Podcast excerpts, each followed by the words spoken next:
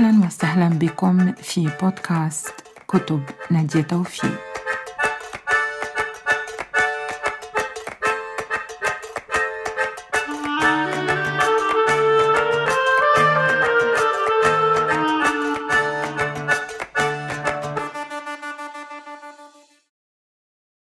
يا أرض هدي قصة قصيرة بقلم نادية توفيق.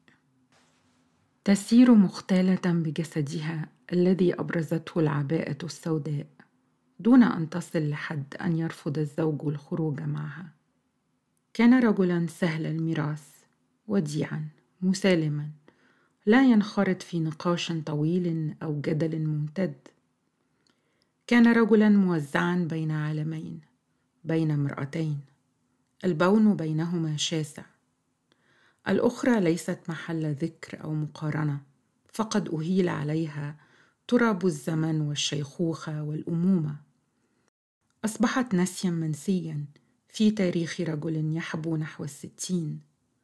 بحاجة إلى إعادة تدوير لعواطف طمرتها سنوات عمل شاق مجز.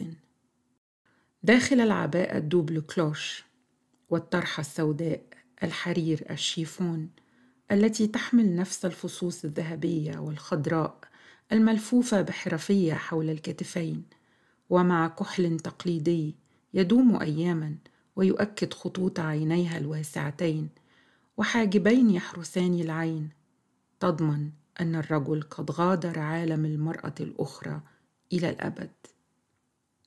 حاولت أخته إقناعها بارتداء الإسدال.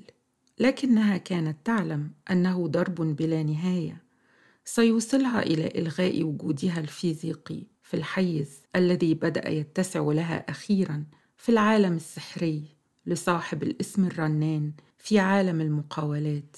في دنياها المحدودة بحدود ألبومات تامر وعمر ودياب. وما يقصه عمرو خالد ومصطفى فتحي ومعتز. مسعود من مختارات القصص التي يحلق بها الشباب في عالم الروح وما تتلقفه عيناها من فخامة البيوت الراقدة في قلب صحراء زرعت بحمامات السباحة وممثلات شابات لا يجدن صعوبة في الحصول على بشرة نقية وشعر صحي حتى وهن في قلب عاصفة من المآسي العائلية والعاطفية في سيل مسلسلات لا يبل ريق قلوب أمثالها من الفتيات العطشة لمجد الفيلا والخدم المهندمين الذين لا تصدر عنهم كلمة نابية. ويشاهدون الأسياد يرفلون في طرف الرذيلة فيدعون لهم بالهداية ولا يشوهون صورتهم في قلب أطفالهم الحفاة بعد أن يعودوا من المدرسة ويستعدوا لبيع الذرى المشوية. وشؤون الحياة التي تسير عن بعد بهاتف أو موبايل.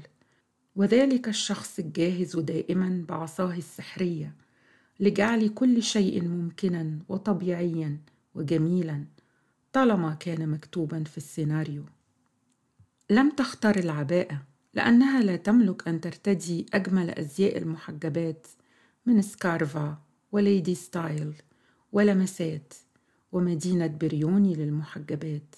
أو حتى من محطة الرمل بالإسكندرية عروس البحر المتوسط التي استقبلتها عروسا في شهر عسل امتد لأربعة أيام.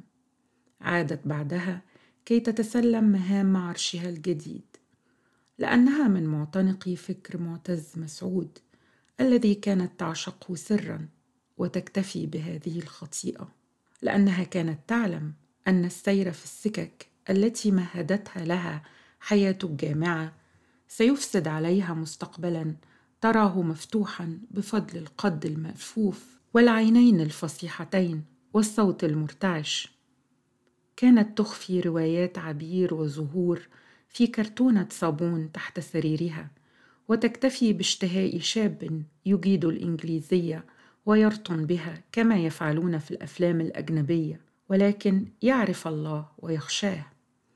كانت تعي جيدا أن خروجها من البيت الذي يصرخ مطالبا بطلاء جديد لجدرانه وطقم حمام يليق بالقرن الواحد والعشرين. يحتاج إلى جواز مرور لا يحمل أختامه أي شاب ممن يملكون حسابات على الفيسبوك. كانت تعلم أن عليها العودة إلى الزمن الجميل كي تنتقي منه رجلا يدفئها داخل عباءة مطرزة شغل يدوي وارد الخليج غير ملوثة بالأنسجة الصناعية ويلقي عليها رداءه كي تكون له زوجة.